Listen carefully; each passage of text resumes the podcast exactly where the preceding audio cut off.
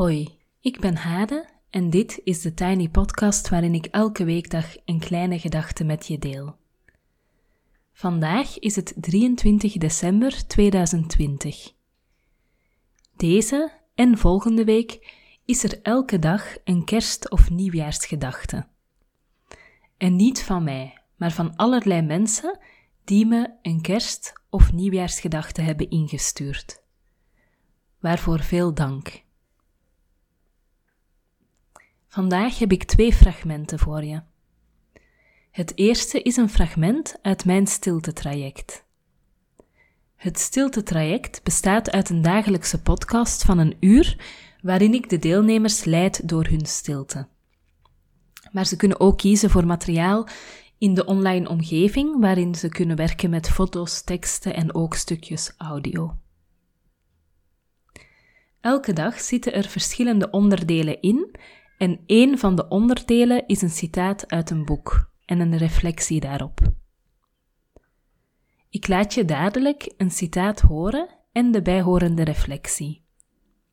En daarna het antwoord en de wens voor het nieuwe jaar van één van de deelnemers aan het stiltetraject, Katrijn.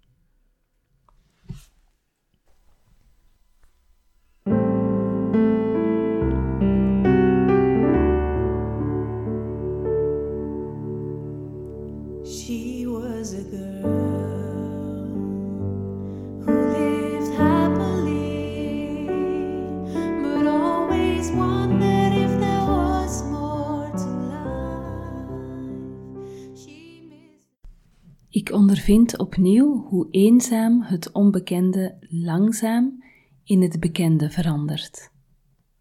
Net voorbij het stadje Nebek steek ik de bergen over.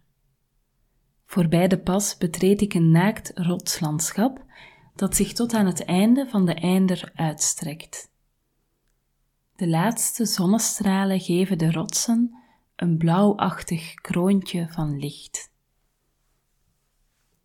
Dit is een citaat van Sébastien de Vos en hij is pelgrim en schrijver. Het boek van Sébastien de Vos heb ik vaak gelezen. Te voet naar Jeruzalem. Een solotocht van 184 dagen. Er was vast iemand bij zijn uitgeverij die het idee had het een solotocht te noemen. Maar het was een pelgrimstocht. Geen solotocht. En heel solo was het ook al niet. Want hoewel hij alleen vertrok, ontmoette hij in elk land dat hij doorkruiste mensen.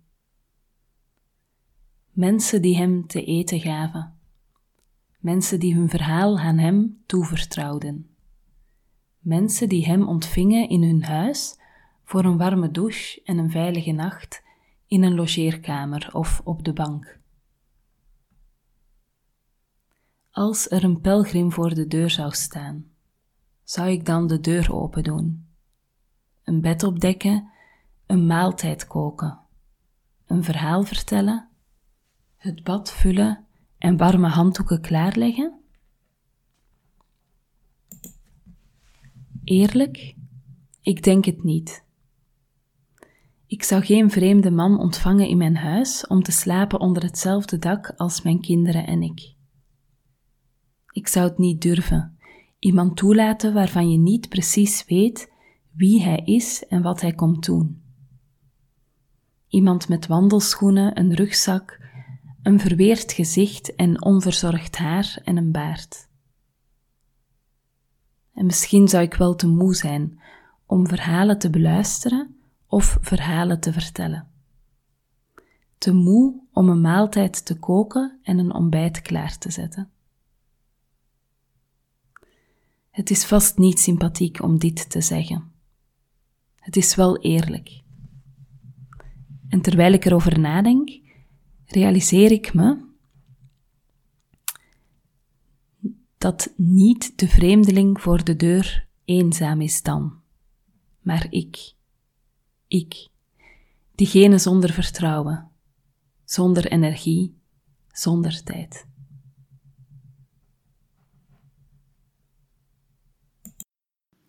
Hey Hade, je vroeg me een nieuwjaarswens.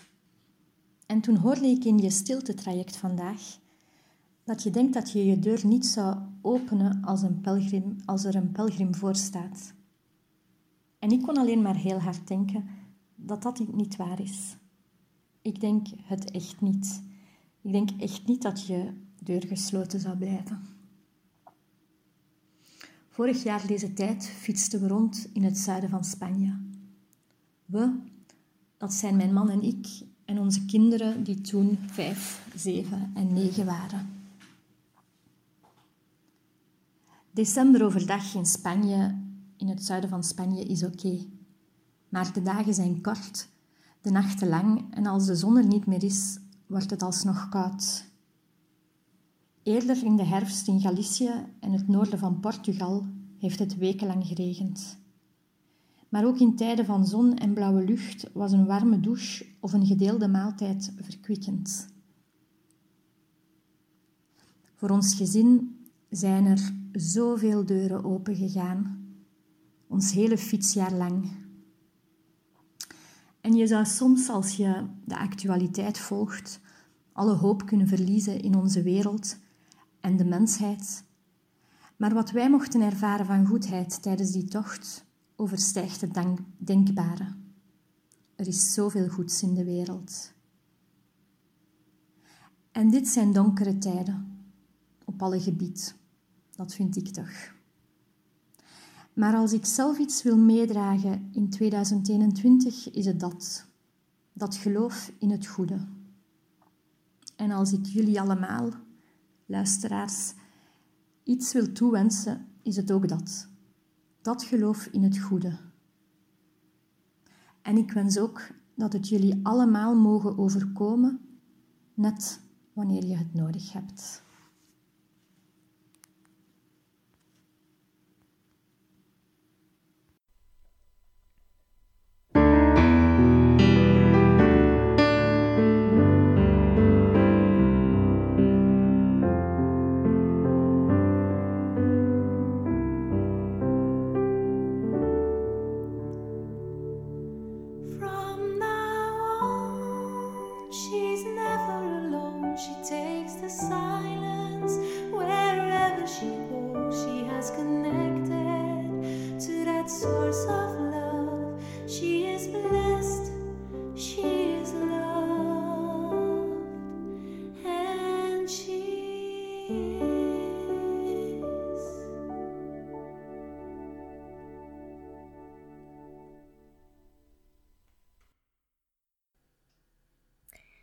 Ik ben zo blij met de boodschap van Katrijn en met haar wens voor ons.